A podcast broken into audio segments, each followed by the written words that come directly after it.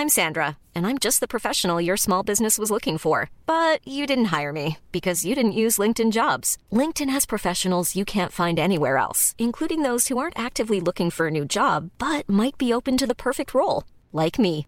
In a given month, over 70% of LinkedIn users don't visit other leading job sites. So if you're not looking on LinkedIn, you'll miss out on great candidates like Sandra. Start hiring professionals like a professional. Post your free job on linkedin.com/people today. Burrow is a furniture company known for timeless design and thoughtful construction and free shipping, and that extends to their outdoor collection. Their outdoor furniture is built to withstand the elements, featuring rust-proof stainless steel hardware, weather-ready teak, and quick-dry foam cushions. For Memorial Day, get 15% off your Burrow purchase at burrow.com slash ACAST and up to 25% off outdoor. That's up to 25% off outdoor furniture at burrow.com slash ACAST. Wow. Nice. Yeah. What you're hearing are the sounds of people everywhere putting on Bombas socks, underwear, and t-shirts made from absurdly soft materials that feel like plush clouds. Yeah, that plush. And the best part? For every item you purchase, Bombas donates another to someone facing homelessness. Bombas. Big comfort for everyone. Go to bombas.com slash ACAST and use code ACAST for 20% off your first purchase. That's bombas.com slash ACAST. Code ACAST. Jeg har vært en snill barnehageonkel i 15 år. Jeg har vært kriminell, jeg har vært rusmisbruker, og jeg har vært homofil i skapet. Bare, bare hør på alle de ordene. Er, jeg skjønte jo da at det er ikke rart jeg gikk på trynet til slutt, med alle de hemmelighetene.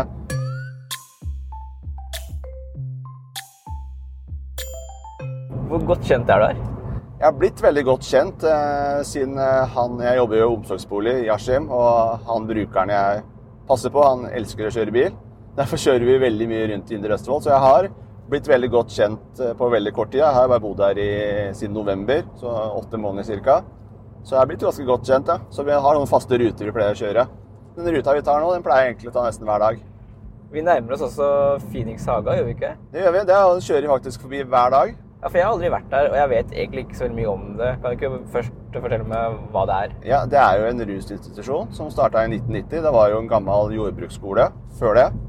Eh, Det er et terapeutisk samfunn som hjelper folk som har slitt med rus. Og der har jeg selv vært i 2019 til 2020 i 13 måneder. Eh, Jeg har jo hatt et ganske stort rusproblem de siste årene. og Det gikk ganske gærent til slutt, så til slutt så måtte jeg søke hjelp, og da ble det Phoenix Saga. Eh, Det var litt, litt tilfeldig, egentlig, men ja. Jeg havna der, og det var kort vei til familie, og sånn tenkte jeg at det var en bra plass, da. Og det er var en veldig fin plass òg, men jeg fikk, fikk jo litt eh, beskjed om at det var litt strengt og litt sånn sted, da. Litt sånn, ja, mye ganske hardt å være der, og det var det jo. Det er eh, Hvordan strengt er det? Nei, det er jo litt sånn Jeg kan si for eksempel på morgenrutiner. At du, når du står opp, så har du 20 minutter på deg på å dusje. Du må være nybarbert hver dag. Glattbarbert. Du er ikke lov til å ha skjegg der. Eh, Du må vaske rommet ditt, og det blir sjekka etter du har vaska det. Og hvis det ikke er bra nok, så må du vaske om igjen. Eh, Du kan ikke, er ikke lov til å gå i joggebukse der, f.eks. Du må gå ordentlig kledd. Du skal liksom lære deg å gå ordentlig kledd. Det er ikke alle som har vært så nøye på det, sikkert. Så er, du skal alt, alt fra sånne ting skal du lære, lære her, og du skal gå riktig kledd, da. Eh, og så er det eh, ja, ikke det eneste rusbehandlingsstedet i Norge som det ikke er mobiltelefon. Ja. så det var litt sånn rart i staten. Så jeg var jo 13 måneder uten eh, telefon. Men det var egentlig veldig deilig, og du får jo, liksom, du glemmer liksom omverdenen og alle, de, fristelsene som kanskje er der. da. Og at du får veldig sånn der her og nå-fokus da, på ok, når du har ett år da, på å bli frisk igjen da, for, fra det ruslivet du har levd. da. Og da er det greit å bruke det best mulig. Hva var det tøffeste for deg i løpet av den tida der? Eh, det tøffeste var Det var jo veldig rart å snakke om følelser og sånn i starten, men det ble jo bedre etter hvert. Og jeg ble jo kjent med rutinene. og Det var jo lange dager, da. Det, er- det er jo en opplegg fra morgen til kveld. og det, vanskeligste var vel kanskje at du har jo ikke noe spesielt egentid. da. Alt er jo lagt opp til deg hele året. da. Så du har jo ikke noe fritid. Det er ikke sånn at du kan gå og jogge en tur eller gå i butikken og kjøpe deg en is eller sånne ting. da. Alt er lagt opp, da. Så det er veldig strengt i regimet. Men eh, når det er sagt, da, skal du legge om det livet ditt eh, som du har levd da, i kanskje Mange har jo gjort det mange flere år enn meg. Så må, koster det en jobb, og det, den jobben må du legge ned. Og da vil jeg si at Phoenix Saga er eh, kanskje en av de beste stedene i Norge. Uten at jeg har vært noen andre steder, da. Men Når du ser på hvor mange som klarer seg etter de har fullført behandlinga, så er det jo nesten 80% som etter fem år da, som er fortsatt er rusfrie og har gode liv. da. Så det viser jo statistikkene at, eh, at det funker, da, selv om det er veldig tungt krevende. Kan du huske når du først tenkte at du skulle søke deg inn på en sånn eh, type behandling? Det skjedde egentlig veldig fort. Jeg, jeg tok jo Jeg kom jo til Phoenix Saga i mars 2019. Jeg husker veldig godt, Det var 2. juni 2018. Da var jeg vært våken hele natta. Jeg har vært rusa i, i mange måneder i strekk, liksom. På jobb til og med. Satt jeg oppe hele natta og tenkte nei, sånn livet mitt er blitt nå, sånn vil ikke jeg ha det. Jeg var fravær fra jobben, jeg hadde fått dårlig økonomi, fått masse gjeld. Jeg hadde masse angst, turte nesten ikke å gå ut uten å ruse meg. Eh, Så det var veldig tøft. Og da var det en periode på seks-sju måneder der jeg prøvde først på egen hånd. da, og Jeg solgte leiligheta, var sykemeldt på lang tid. eh, Prøvde å fikse opp på egen hånd, da. Men eh, det fungerte i perioder. Men eh, jeg var faktisk rusfri et par måneder om gangen da. Men eh, det gikk ikke, det, det holdt ikke. da. Så det var vel i januar 2019, februar 2019 jeg bestemte meg for å, at jeg måtte søke mer hjelp. da, Og da ble det døgnbehandling. Hva slags eh, miljø var du en del av i Oslo? Det var jo et um, veldig hardt miljø. Et veldig kriminelt miljø. Eh, når du er oppe i et sånt miljø, så føler du veldig tilhørighet og at eh, du har veldig gode venner. Men eh, innerst inne så veit du jo egentlig at eh, eneste gang jeg møtte de gutta der, da, så var det jo stort sett med fest og rus og være på puben, liksom, og bare kødd, liksom. Så var det et miljø med litt sånn Selv om jeg ikke tenkte så mye over det, det var et miljø med litt dårlige menneskeholdninger. Litt mye fleiping om eh, utlendinger, rasisme og litt sånne ting. Homofobi. Sånne ting, da.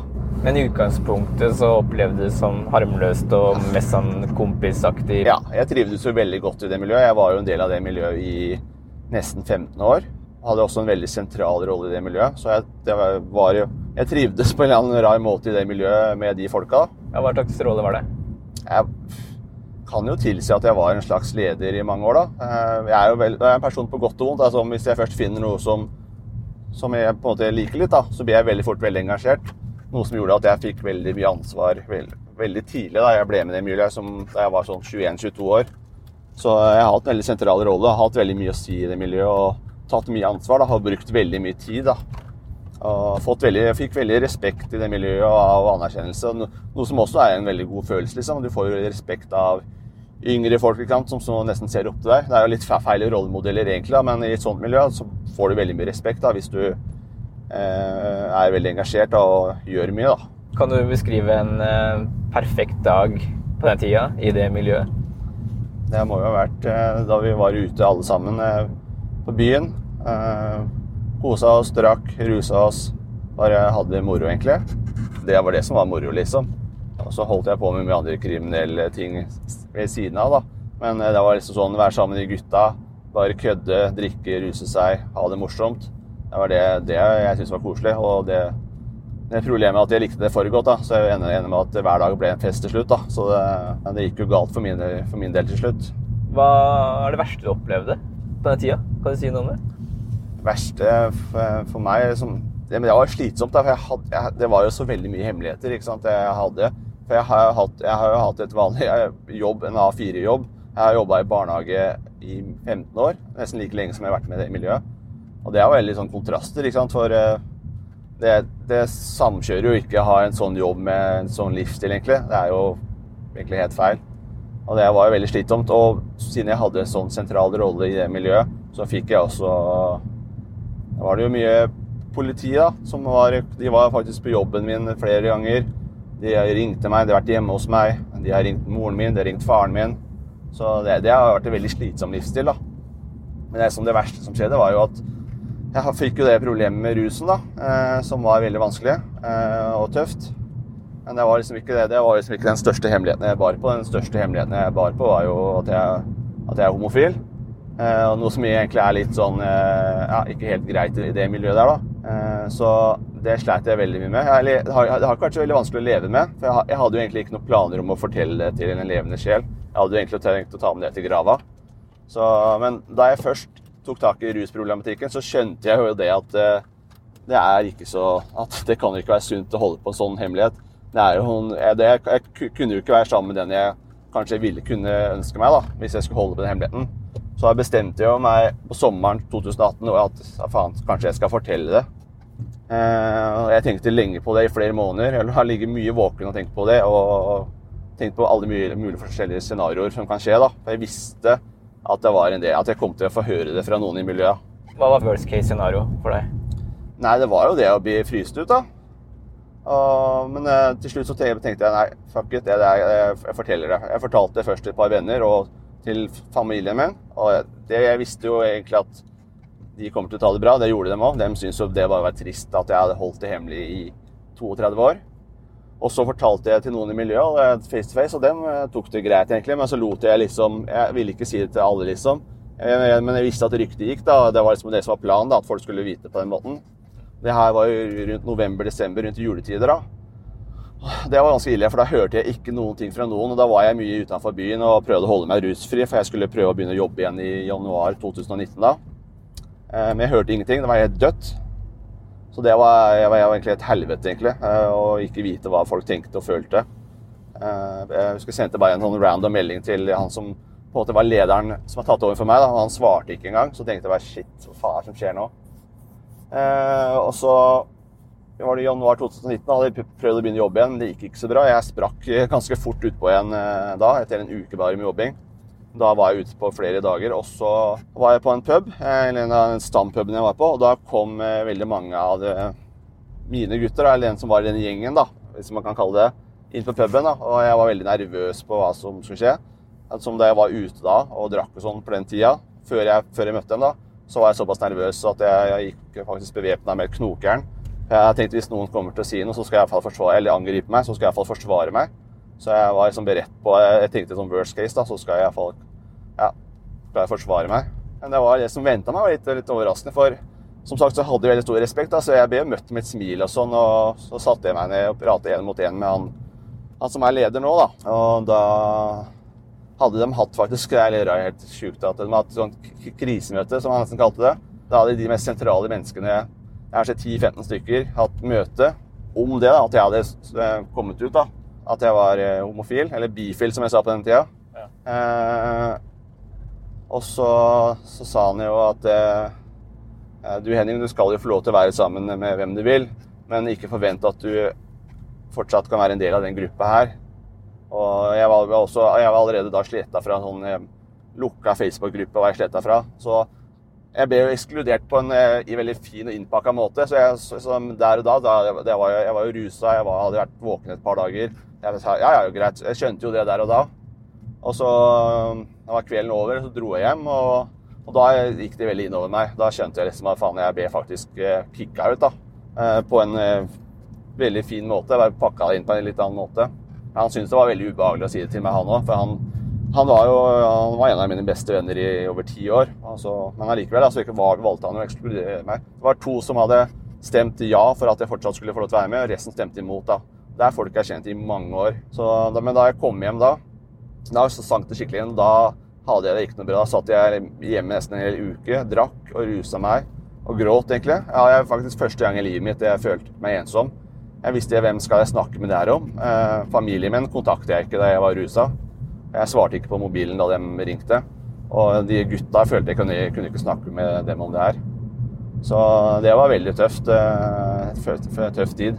Hva tenkte du var grunnen til at eh, det var så mange som stemte mot at du skulle være en del av gruppa? Ja, det er jo det at, eh, at det passer seg ikke å være, være, homofil og være en del av et sånt miljø. Det er, det er sånn de tenker, da. At ikke det er innafor. Og Hva er det med det miljøet? Hva er det som karakteriserer det miljøet i interesser og fellesskapsting som gjør at det å være Nei, det er, homo ikke det, det er sikkert, og slett funker? Se på det som en svakhet, da.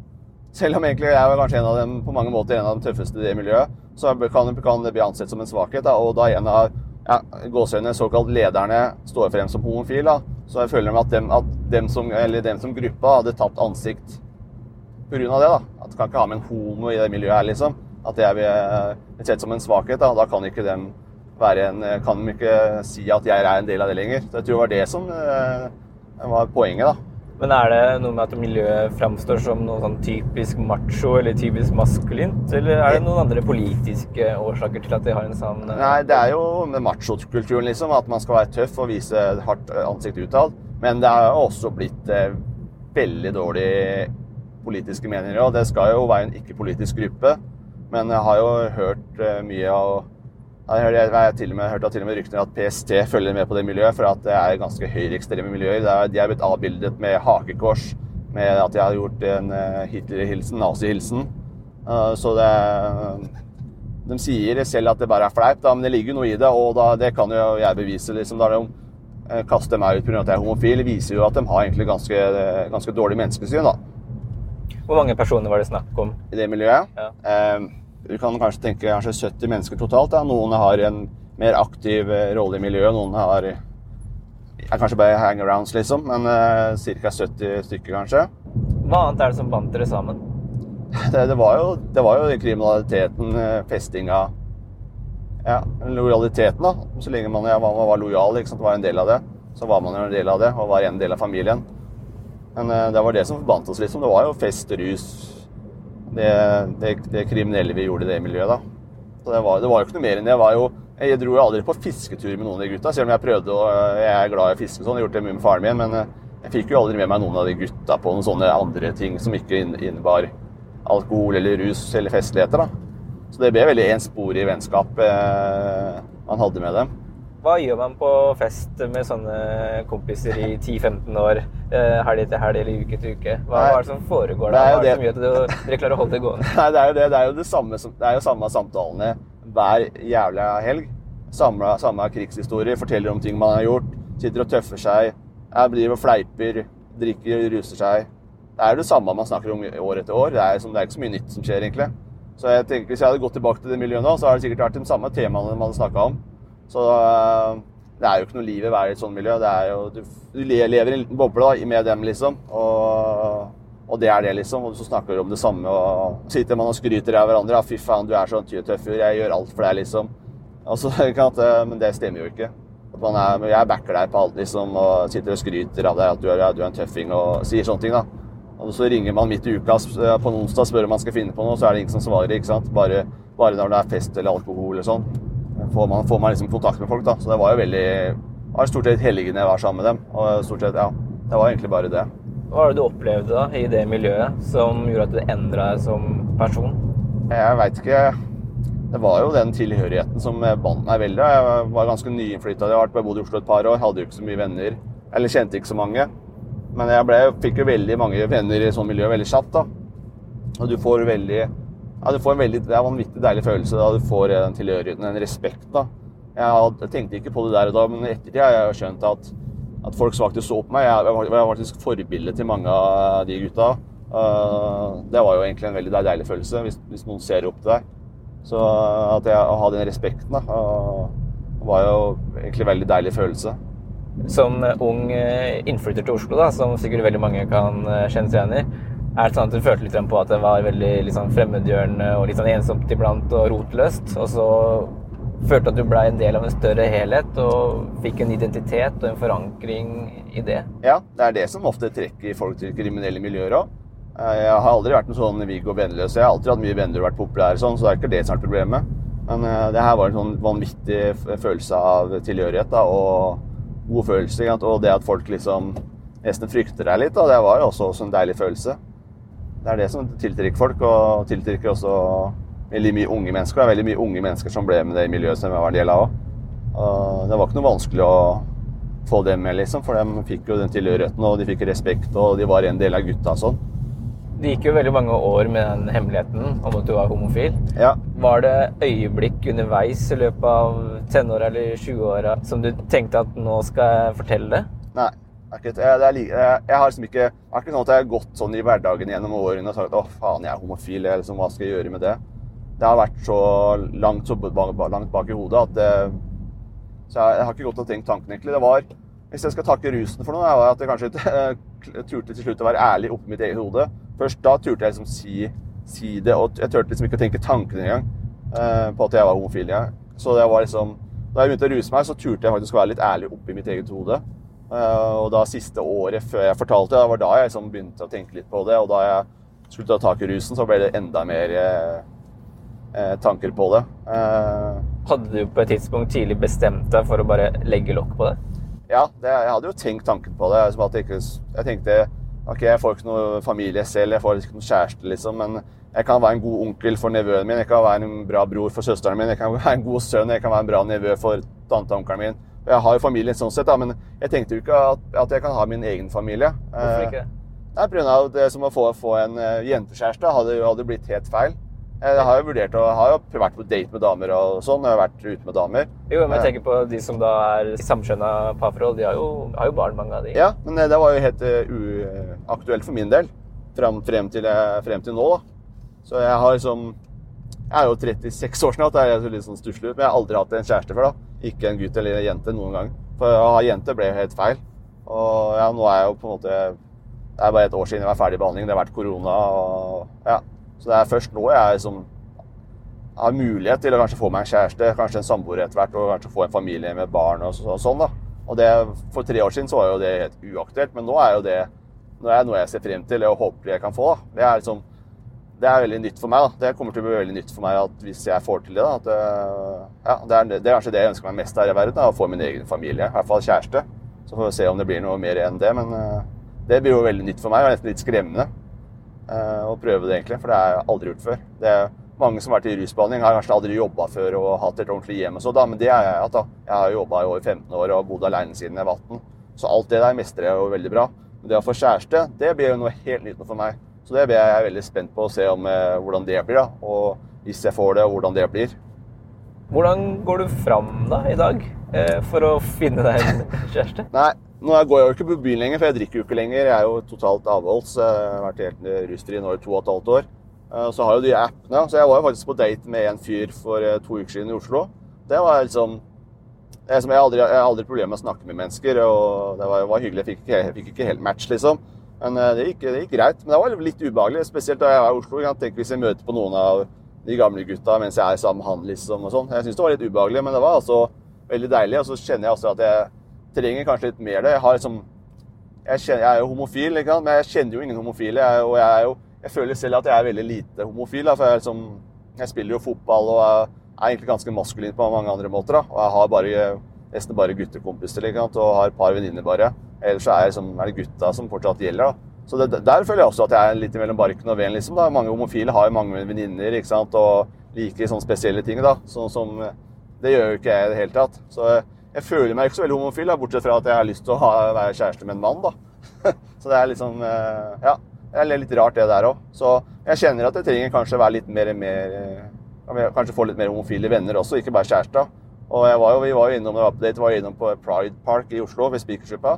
Det var hyggelig. var det, Der var det veldig mange homofile og sånn, og det var jo veldig sånn rart, det òg. For jeg har liksom aldri hengt i noe homofile, miljø. Jeg har aldri vært på noen homsepuber eller noen sånne ting. da. Så det, alt det er jo veldig nytt, da. Ja, For du oppfatter deg selv som mer maskulin, litt sånn vanlig dude, eller? Ja, ja. Det er, ja, mange har jo sånn stereotypisk eh, tanke om homofile. At, at de liker å Se på reality-TV, ikke sant? Eh, se på Skam, se på Melodi Grand Prix. ikke sant? Det er veldig fjollete og sånn, ikke sant? og veldig feminine. Det stemmer jo ikke. Eh, ikke for min del, i hvert fall. da. Og for mange andre òg er, er, er, jo ikke det i det hele tatt. Det var jo ingen som tro, trodde at jeg var homofil før jeg sa det. Så det, det, er jo veldig forskjellig fra menneske til menneske. Men det er jo det typiske eh, tanken man har om homofile, at de er veldig feminine og går sånn og sånn kledd og er glad i sminke sånn, da. Noen er jo det, og det er jo helt greit, men jeg er jo ikke sånn i det hele tatt. Men folk er jo forskjellige der òg. Den daten i Oslo, kommer dere til å møtes igjen? Jeg, jeg har jo snakka litt med henne etterpå. Jeg har jobba veldig mye og vært, en uke på ferie. Men har, selv om jeg ikke føler jeg ikke har matcha så veldig på første gang, så har jeg jo tenkt å møte han en gang til. og se, Jeg syns det er litt tidlig å konkludere med at ikke det passer med, med ett et, møte. Så jeg tenkte jeg skal møte han en gang til, i hvert fall. Så fort som mulig, og så får vi se. Så må jeg bare prøve å være ærlig med han hvis jeg ikke føler det matcher. da. Så vil jeg liksom ikke oppholde noen lenger enn det man må hvis man ikke føler det stemmer. Du sa du tenkte litt på at kanskje noen av de gamle kara kunne dukke opp ja. på utestedet i Oslo. Hva, hva, kunne skjedd da? Jeg tror ikke det hadde skjedd så mye, egentlig. For jeg tror ikke de hadde, de hadde ikke gjort noe. Men er bare, det er bare min greie at jeg syntes det var ubehagelig. Jeg er ikke noe mer enn det, liksom. Hvordan hadde du takla det? Nei, jeg, jeg veit ikke. Men jeg veit jo veldig hva jeg, jeg Hvis De skjønner nok ikke hvor mye de har såra meg, hvor lei jeg jeg er blitt meg, tror jeg. Så jeg, har, jeg har tenkt tanken hvis jeg møter dem i forbindelse med et eller annet, så, så veit jeg veldig hva jeg skal si. Eh, at eh, de tror kanskje De vet at jeg har vært i behandling, og de tror kanskje i sitt, sine hoder at vi fortsatt er venner, men det er jo vi definitivt ikke. da. Så jeg kommer jo til å avvise dem på en grei måte. At, eh, og si akkurat som det var. At da har du valgte å stemme meg ut av det miljøet vi var en del av sammen, så er ikke vi venner lenger. Og en annen ting er jo at jeg kan jo ikke være en del av et sånt miljø der det er så mye rus og, og dritt der, da. Eh, Det er jo veldig livsfarlig å være så nær, nærme folk som ruser seg når du er eks-rusmisbruker selv, da. Hva kan skje? Nei, du kan jo sprekke igjen selv, da. Eh, Så det, du burde jo ikke, det, ikke ha noen venner som er ru- ru- ruser seg, da. Du burde ta, holde avstand til det og holde de, sånne folk unna, unna deg. Og bare ha mennesker som ja, er helt som en streite, da. Det er lett å havne utpå en, selv om jeg føler meg veldig trygg nå. Jeg har ikke hatt noe russug siden jeg var ferdig i behandlinga, så veit man aldri. Så Samme med alkohol og det. Man eh, kan også, du, kan, du mister jo dømmekraften når du drikker, så de anbefaler jo at du ikke begynner å drikke igjen. Og i hvert fall venter i hvert fall fem år. Eh, Men jeg har ikke noe planer om å drikke igjen. Jeg klarer meg veldig bra uten og har det veldig bra uten. Så Hvordan er det å være på date da, uten å kunne ta en halvliter eller et glass vin? Det var veldig rart, faktisk. Da, da kjenner du jo på, faktisk på hva du føler. Jeg har vært på noen date med noen damer, men da har jeg som stort sett uh, tatt meg et par glass vin og en stripe kokain da, før jeg har gått på date, og da har jo det gått på en helt annen måte. Uh, det var, det deilig å kjenne på, som, for jeg som lærte på Haga liksom, at følelser er jo ikke farlig. Liksom, det er bare ubehagelig der og da, så går det over. Og det var jo deilig etterpå å kunne fullført en date og hatt bra samtaler. Og, og du har vært helt klar i hodet. Jeg kjørte jo bil liksom inn til Oslo da og møtte han. Så det var jo bare veldig fint. Men du må nesten forklare, når du har vært på date med damer, hvordan er det det oppleves for deg? Nei, jeg, jeg, jeg veit ikke. Jeg tenkte jo at jeg hadde alltid hatt tenning til damer, da. Men eh, etter jeg sto frem, så har jeg liksom ikke, jeg har ikke tenkt på damer en eneste gang. Men jeg har jo ligget med damer, jeg har jo vært på date med damer. Men jeg, jeg, jeg har alltid følt at det ble feil, da. Og derfor som Faren min han var den eneste som faktisk tenkte at, at jeg kanskje var homofil, da jeg fortalte det til han. da, For, han, for jeg, jeg har aldri hatt med noe kjæreste hjemme noensinne i hele mitt liv. da, Og søsteren min har jeg hatt med mange. Hun har jo hatt kjærester. ikke sant? Eh, Men det har jeg aldri hatt. og det, alle, alle har jo syntes at det var rart. For eh, at man, ja, man aldri har hatt en kjæreste i hele sitt liv. da. Så eh, faren min hadde jo tenkt tanken, men ja. Hva tenkte du om det sjøl, da?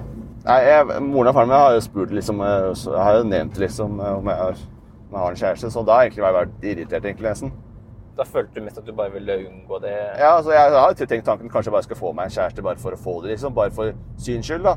Det tror jeg liksom Bare for å sette en stopper på alle spørsmåla? Ja, ja, altså det er, folk, det er jo skal man, Det er jo nesten forventa at man har eh, kone og barn ikke sant? hvis man er godt voksen. Da. Men eh, det er jo ikke for alle, selvfølgelig. Men eh, det er liksom så ofte sånn et A4-liv skal være. da. Det finnes jo flere eksempler på folk som har fått en sånn klassisk kjernefamilie, og så etter hvert kommet ut av skapet og Ja, eh, valgt en annen vei etterpå. har jo snakka Jeg har jo møtt som på noen datingapper og homofile apper. Har jo snakka med menn som faktisk er gift med damer, og, og sliter med det, da. Og det er jo trist, liksom. Jeg, jeg tenke tanken på ja, De sier jo at i hvert fall 10 av befolkninga i verden er skeive. Enten homofile, bifile eller lesbiske. da. Jeg tror at det er mye mer, da. Eh, tenker sånn som, Vi, spiller jo Asje-fotball sammen, ikke sant? Eh, eller i Tippeligaen, eller sånne miljøer som det der. Det er ingen som Sånn som Eno, det har vært veldig fokus på pride og sånn, ikke sant? Men, og at eh, alle skal få lov til å være sammen med den de vil. Da. Men det er allikevel ingen som står for det. så det er jo litt sånn som jeg sa, jeg tror også det er litt vanskelig. Selv om man er i et miljø med eh, gode mennesker, da, så er det man redd for å miste kanskje den stem- guttastemningen i garderoben og sånn. da. Eh, Det tror jeg, jeg tror mange sliter med det samme sånn som jeg gjorde da. Selv om de er i et sunt miljø med liberale mennesker, så er man redd for å miste det man har. da. Den praten, den køddinga man har i, som ofte er i garderober, ikke sant? som er ikke morsomt. Uh, Har du vært litt skuffa over at det ikke har vært noen flere som har kommet ut av skapet på toppnivå i fotball? ikke skuffa, men jeg er nesten mest eh, liksom nesten irritert og lei meg på uh, dem sine vegne. Jeg så jo en uh, dokumentar som heter 'Jævla homo', som var på gikk på NRK for noen år siden. Og Da var han og møtte en homofil håndballspiller som er keeper for Stavanger. Han hadde stått frem, og da hadde han blitt kontakta av to som spilte aktivt i Tippeligaen på høyt nivå, som er homofile, men i skapet. Og de turte ikke å stå frem. Fra, Den dokumentaren er fra 2018.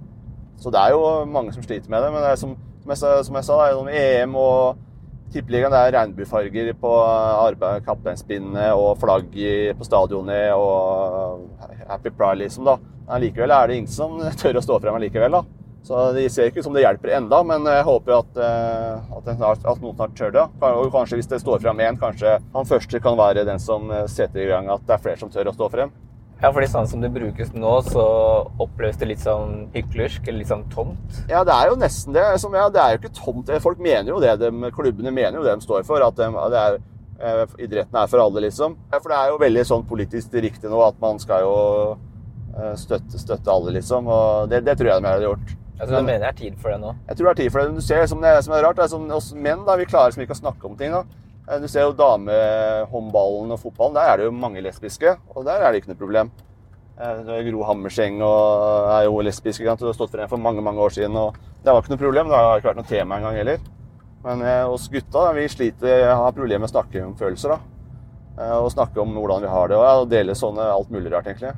Vi ser jo det i Norge, er det jo nesten to mennesker i døgnet som tar selvmord, liksom. Eh, og, ja, og det miljøet jeg var en del av, var det jo er det fire som har tatt selvmord.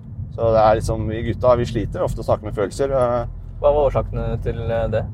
Nei, jeg, Det er litt vanskelig å vite med noen av dem, men det var jo Han ene satt jo på mange hemmeligheter. Han andre hadde jo opplevd incest som barn, som han ikke har fortalt til noen. Han har fortalt det bare til kjæresten sin.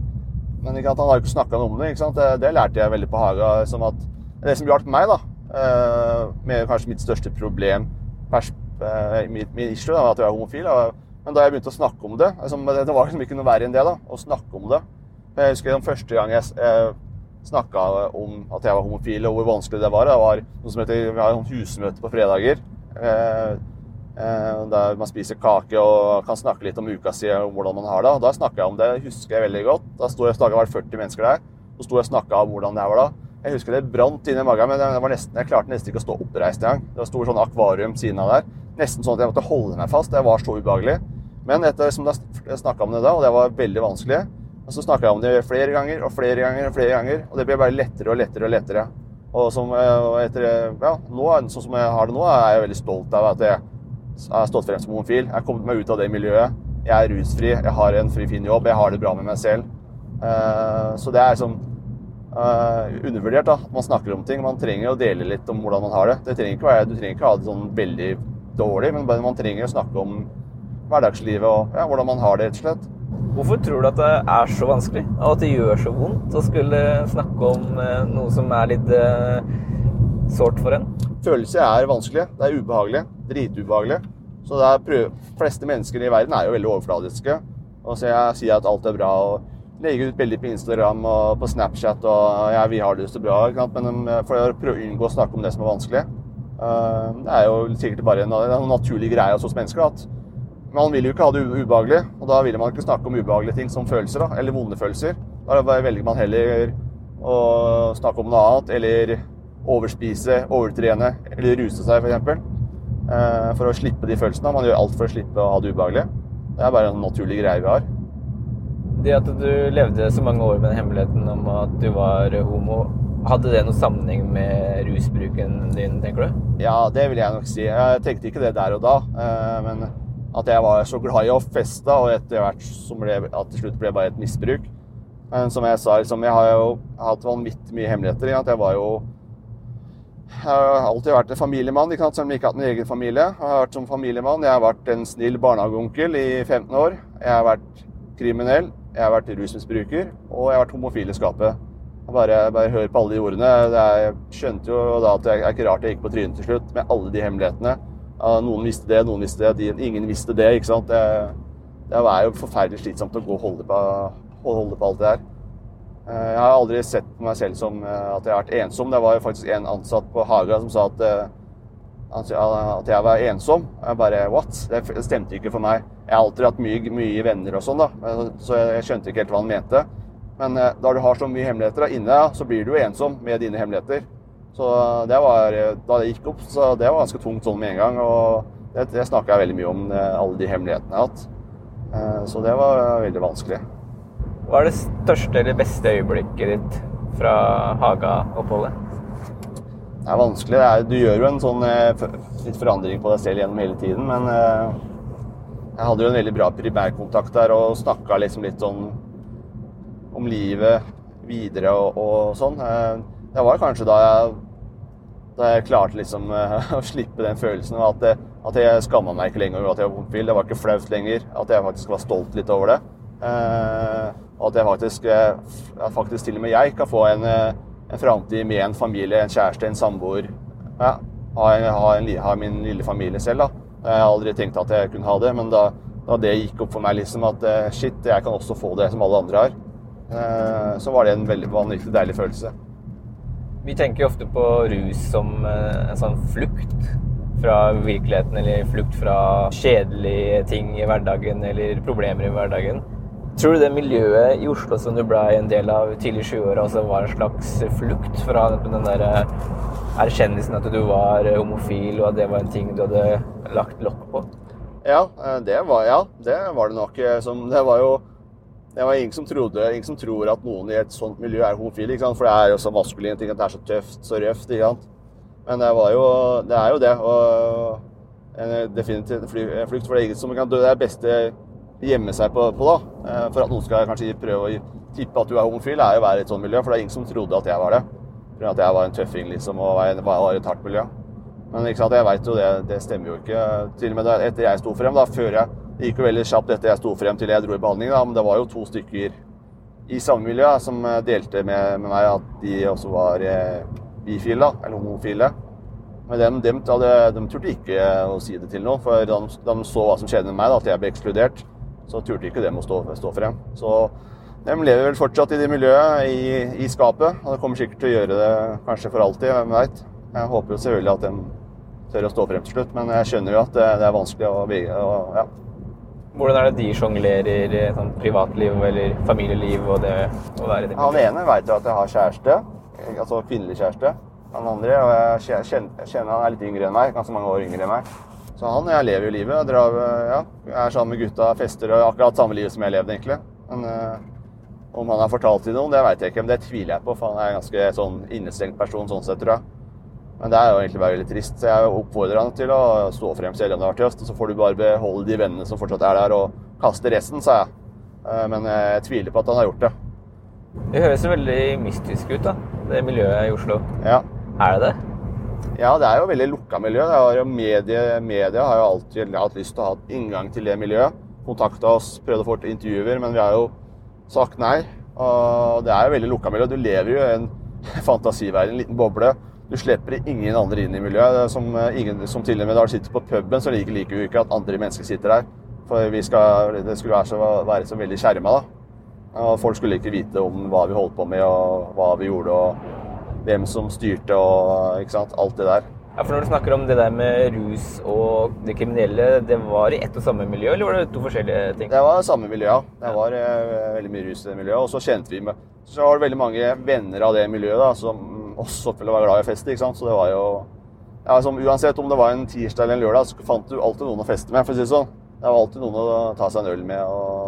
Jeg er bare litt nysgjerrig på det med sånn langtidsperspektiv når det gjelder festing. Ja. Tenker man da at det her er noe man skal holde på med til man er 78 år? Jeg, jeg, har aldri tenkt så langt før. Jeg, da jeg rusa meg på det verste, da jeg rusa meg hver, hver, dag, så tenkte jeg at det her funker jo på en måte. Jeg, jeg, jeg, fant liksom en måte å leve på i Men det var bare korte perioder. da. Det er noen som er, mange som lever, folk som er avhengig av amfetamin og kokain, lever jo sånn i mange, mange år.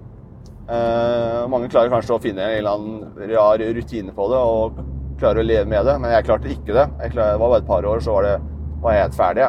Men noen, noen, lever jo det i mange år, liksom. Jeg kjenner folk som har seriøse jobber, som tar f.eks. amfetamin hver dag eh, på jobb og bruker det mye hver dag. da. Men de klarer allikevel å ha et normalt liv da, ved siden av. Hva er det viktigste for deg etter eh, tida di på behandlingssenteret Haga? Det viktigste for meg er jo egentlig bare å ha det bra, egentlig. Og gjøre det jeg veit er riktig. Jeg går på jobb, jeg holder meg rusfri, jeg holder meg unna uh, det gamle nettverket. Mange av dem har prøvd å adde meg på Facebook og sendt meg meldinger og sånn. Og han, han, han ringte jo faren min for å høre hvordan det gikk med meg. Uh, bare holde meg unna det gamle nettverket holde meg til sunne mennesker. Eh, gode, gode venner. Noen nye venner jeg har fått. Jeg starta nesten helt på scratch igjen. Jeg har jo beholdt to venner fra det gamle livet som var gode venner. da. Ellers så har jeg starta helt på nytt eh, der òg. Så det er bare å holde seg til gode mennesker og ja, og liker, jeg liker å spille fotball, liker å trene. Ja, eh, ja jeg gjør, de riktige tingene i livet. da. Ha det A4-livet, for det har jeg aldri hatt før, egentlig. Eh, det er egentlig bare kjempedeilig. Og det å slippe å ha Jeg har liksom ikke noe skjeletter i skapet lenger. Alle de på jobben min vet om historikken min, at jeg har slitt med rus, at jeg er homofil, og hvor vanskelig det har vært og sånn. Så det er deilig å komme på jobb og ikke ha noen hemmeligheter for dem. For det har vært eh, det verste med å være rusavhengig var jo nesten det med, med jobben. Da, at, eh, at, jeg var så mye borte fra jobb. Da, for jeg er egentlig veldig pliktoppfyllende. Og da jeg fikk veldig mye fravær i 2017 og 2018, eh, så var det veldig vanskelig. Eh, da satt jeg mye og gråt hjemme, og jeg gruer meg til å ringe sjefen og fortelle at jeg ikke kom i dag heller. Så det var veldig tøft. Og det er det, som er det beste. At jeg faktisk er oppegående, jeg er frisk, jeg lever et godt liv nå. Jeg har det bra med meg selv. Og jeg bare gleder meg til eh, veien videre og fremtiden i livet. Og, ja. Du har på en måte knekt koden, virker det som, eh, når det gjelder å skulle fortelle om eh, både deg sjøl og hvordan du har hatt det. Men er det nesten sånn at det er blitt omvendt? Nesten sånn at du føler at du må fortelle hver eneste ny person du møter om hva du har gjort, og at du er homofil og sånt? Er det sånn at du nesten har angst for at du ikke har fått sagt det til noen? Eh, nei, det gjør jeg ikke. Det er, som, det der å være jeg, er veldig sånn er det noe jeg kunne tenkt meg å jobbe med, bortsett fra å jobbe i omsorgsbolig, er jo kanskje det er å hvor, hvor vanskelig det har vært for homofile for meg. Kanskje bruke min historie sånn, som jeg har fortalt deg nå. Og kanskje gjøre det litt lettere for andre mennesker. da. Men det, er liksom, det at kjæresten min i fremtiden min er en uh, mann, da, det vil egentlig bare skal være en, det er en bisetning. At uh, om, uh, om, det er en gutt eller en jente, det skal egentlig ikke spille rolle. Det er ikke noe jeg sier med første gangen. Det var jo mange på jobben min som ikke fikk vite det, som, som hørte det av en kollega mange mange måneder etter jeg hadde begynt å jobbe der. Så det er ikke noe jeg forteller med en gang, og det er ikke noe, jeg har behov for å fortelle heller. Men eh, hvis noen spør meg De fleste spør meg har du, har du, har du dame, eller? Bare så sier jeg nei, det har jeg ikke. Men eh, så er jeg homofil, så jeg jeg eventuelt vært en mann. Så jeg har ikke noe problem med å snakke om det. Og, men det er ikke noe jeg deler med, med en gang. Liksom. Det kommer kanskje naturlig opp da, hvis man snakker om sivilstatusen sin. Da, så kommer det opp ofte. Jeg har sett at du har sånn Vålerenga-tatovering ja. på underarmen. Stemmer det. Og nå da supplert med regnbuearmbånd. Ja. Er det en vanlig kombo? Nei, Vålerenga som klubb er jo De har jo alltid jobba veldig mye med gode verdier. Og Vålerenga mot rasisme starta jo i 97. Det var jo veldig mye rasisme i, i klanen og sånn på 90-tallet. Og de har vært veldig mye fokus på det. Så de er jo veldig flinke til å jobbe eh, med det, da. Eh, og har veldig fokus på å ha de riktige verdiene. Men er det liksom blitt et slags statement for deg? Liksom insistere på nettopp de to verdiene i, i livet ditt? Ja, litt. Det er som at det går an å være maskulin. Det går an å være på en måte et eh, Spille eh, på et fotballag og være knallhard i dueller, men også være homofil. da. Sånn at eh, de to tingene kan matche. da. Det er ikke noe problem. Kan du si litt om eh, jobben du har i dag? Hvordan ser en vanlig arbeidsdag ut for deg nå? Eh, jeg bor i Askim nå, og jeg trives veldig godt. Jeg begynte jo der jeg jobber nå, i praksis på slutten, eller akkurat da jeg var ferdig i behandlingen. for Da skulle man ha frivillig arbeid for å starte litt mykt. Du skal liksom ikke få deg en betalt jobb med en gang. Så jeg fikk jo meg en eh, praksisplass der i, sommer. Det er litt over et år siden nå. Eh, jeg begynte å jobbe der. Trivdes veldig godt. Jeg fikk, fikk veldig bra mestringsfølelse, for jeg fikk det veldig bra til med den brukeren jeg jobber med. Så åpna seg en stilling der i oktober i fjor, og da fikk jeg fast stilling. Eh, så jeg har jobba der eh, fast siden oktober i fjor, og, siden juni i fjor totalt, da, med frivillig og alt. Eh, men en vanlig arbeidsdag for meg er jo å komme på jobb. Så har jo han brukeren jeg er sammen med, han stort sett et opplegg som vi skal prøve å følge hver dag. da, Hvis, hvis kommer litt selvfølgelig an på dagsformen til den du er sammen med. Jeg er sammen med flere enn bare én, da, men så prøver, prøver, man å gjøre det man har planlagt. Og, ja, det er jo dusj om morgenen, gi medisiner, gi mat, ta, ta med han ut på tur.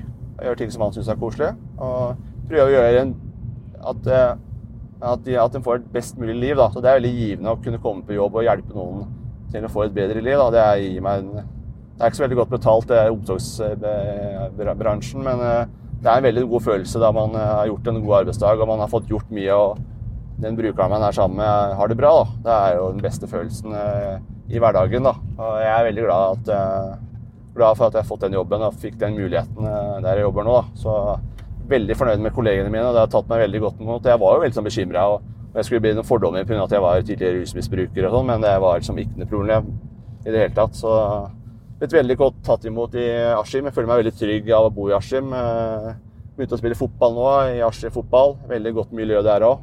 Så jeg trives veldig godt med å bo i Askim og i Indre Østfold. Eh, ja, trygt og godt, og det er akkurat det jeg trenger nå, sånn som jeg er i livet nå. Når jeg er akkurat ferdig med en tøff rusbehandling. Og det er veldig fint å bo på et sted som Askim. Det er veldig fint der, og jeg trives veldig godt. Du sa jo at eh, valget falt på Haga. Det var litt sånn tilfeldig.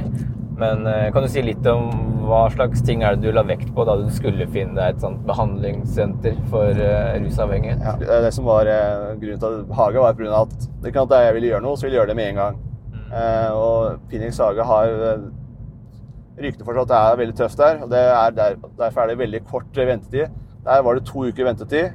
Som Tyrilistiftelsen, da. Der var det 26 uker i seks måneder. Og så tenkte jeg oi, mye galt kan skje på et halvt år når du ruser deg. Du kan faktisk dø eh, mens du venter. Da bare tenker jeg nå, nei, nå er jeg klar nå. Da tar jeg det som det tar to uker, selv om jeg hadde hørte det fra han som sendte henvisninga at det var veldig militært og, og tøft. da. Ja, så har jeg mange i familien min som jobber med, med rusbehandling, og de hadde også hørt om det stedet. Jeg tenkte ja, nå skal jeg sette bare i gang med en gang. Så da sendte jeg henvisning, og så dro jeg til familien min i Trondheim eh, mens jeg venta på at den henvisninga skulle gå gjennom. Eh, så var jeg venta der, så da var jeg faktisk rusfri fem uker før jeg dro i behandling. Jeg slapp, jeg trengte ikke å dra på noen avrusning og sånn. Så det var det som på en måte valgte meg, at det var kort ventetid. Så var det, var det på Østlandet, det var også fint. Da var jeg nærme Oslo og Dokka der jeg er fra, da. Så det var en fin ting, da. Hvordan var det å vokse opp på Dokka? På Dokka var det veldig fint. Jeg har hatt en ganske sånn, eh, vanlig oppvekst. Mange tror at kanskje alle rusmisbrukere har hatt en tøff oppvekst. Det har ikke jeg hatt. Hatt en veldig god oppvekst med spilt fotball hele livet. Fine foreldre. Hatt storesøster som jeg har god kontakt med. Uh, hatt en helt uh, veldig fin oppvekst, liksom. Og, ja, aldri, har ikke opplevd noen vonde ting i det hele tatt, egentlig. Uh, ja, trygg og fin oppvekst. aktiv oppvekst. Så jeg har hatt det veldig bra. Det var jo jeg havna i feil miljø, som hadde jo veldig mye å si fra at jeg havna der jeg havna. Men eh, skjedde det på Dokka, eller var det først i Oslo? Oslo, Det var noen par år etter jeg hadde flytta til Oslo at eh, jeg havna på en måte litt i feil miljø. da. Så du følte ikke noe dragning mot noen sånne type miljøer eh, på oppvekststedet? Nei, det var det ikke. Jeg, var jo, jeg har jo alltid vært sånn Hva var det læreren sa? At jeg, jeg var litt sånn rabagast. Jeg gjorde jo mye sånne små hyss. Men eh, det, det, fortsatte jo litt Ja, det var kanskje at jeg har gjort litt sånne, litt sånne ulovlige ting i ungdommen òg. Naska litt og sånn. Så det kan jo hende at det er noen sammenheng. liksom, at jeg, Men jeg tror jeg, det kunne like godt havna i et godt miljø òg. Så det var litt sånn tilfeldig, tror jeg. Du forlot det røffe miljøet i Oslo og kom deg til det landlige behandlingssenteret Haga. Og så bor du nå i Askim. Hva tenker du er et godt sted å bo? Mange tenker altså, at eh, er, skal man få, få, til noe, så må man bo i storby. Det trenger man absolutt ikke. Og de fleste mennesker i Norge bor jo samme steder som Askim, Mysen, Rakkestad, Spydberg. Jeg tenker at det er, du har like mye muligheter å bo her som et annet sted. Så er det veldig trygt. Jeg tror at du, at du blir kanskje sett på en litt annen måte her, siden det er litt mindre samfunn. Ja, at man blir kanskje mer ivaretatt da, av eh, nærmiljøet. I en storby kan du kanskje bli litt mer borte. Liksom, hadde jeg vært aktiv rusmisbruker i Askim, så hadde nok alle visst hvem jeg var. Men i Oslo var det ingen som, ingen som la merke til meg eh, sånn i de dagligdags, liksom, på gata der. Så du, kan, du blir kanskje litt mer borte. Du kan kanskje bli litt mer ensom. Du kan selvfølgelig bli ensom på små steder òg, men eh, det er kanskje ja, at du blir litt mer sett. da, og, og så er det, jeg vil jeg jo si at en, et lite sted er, er tryggere enn en storby, sånn sett. Da er vi snart tilbake på Slitersetet. Ja, der vi starta. Ferdig med runden snart. Ja. Henning Stanes, tusen takk for praten. Tusen takk.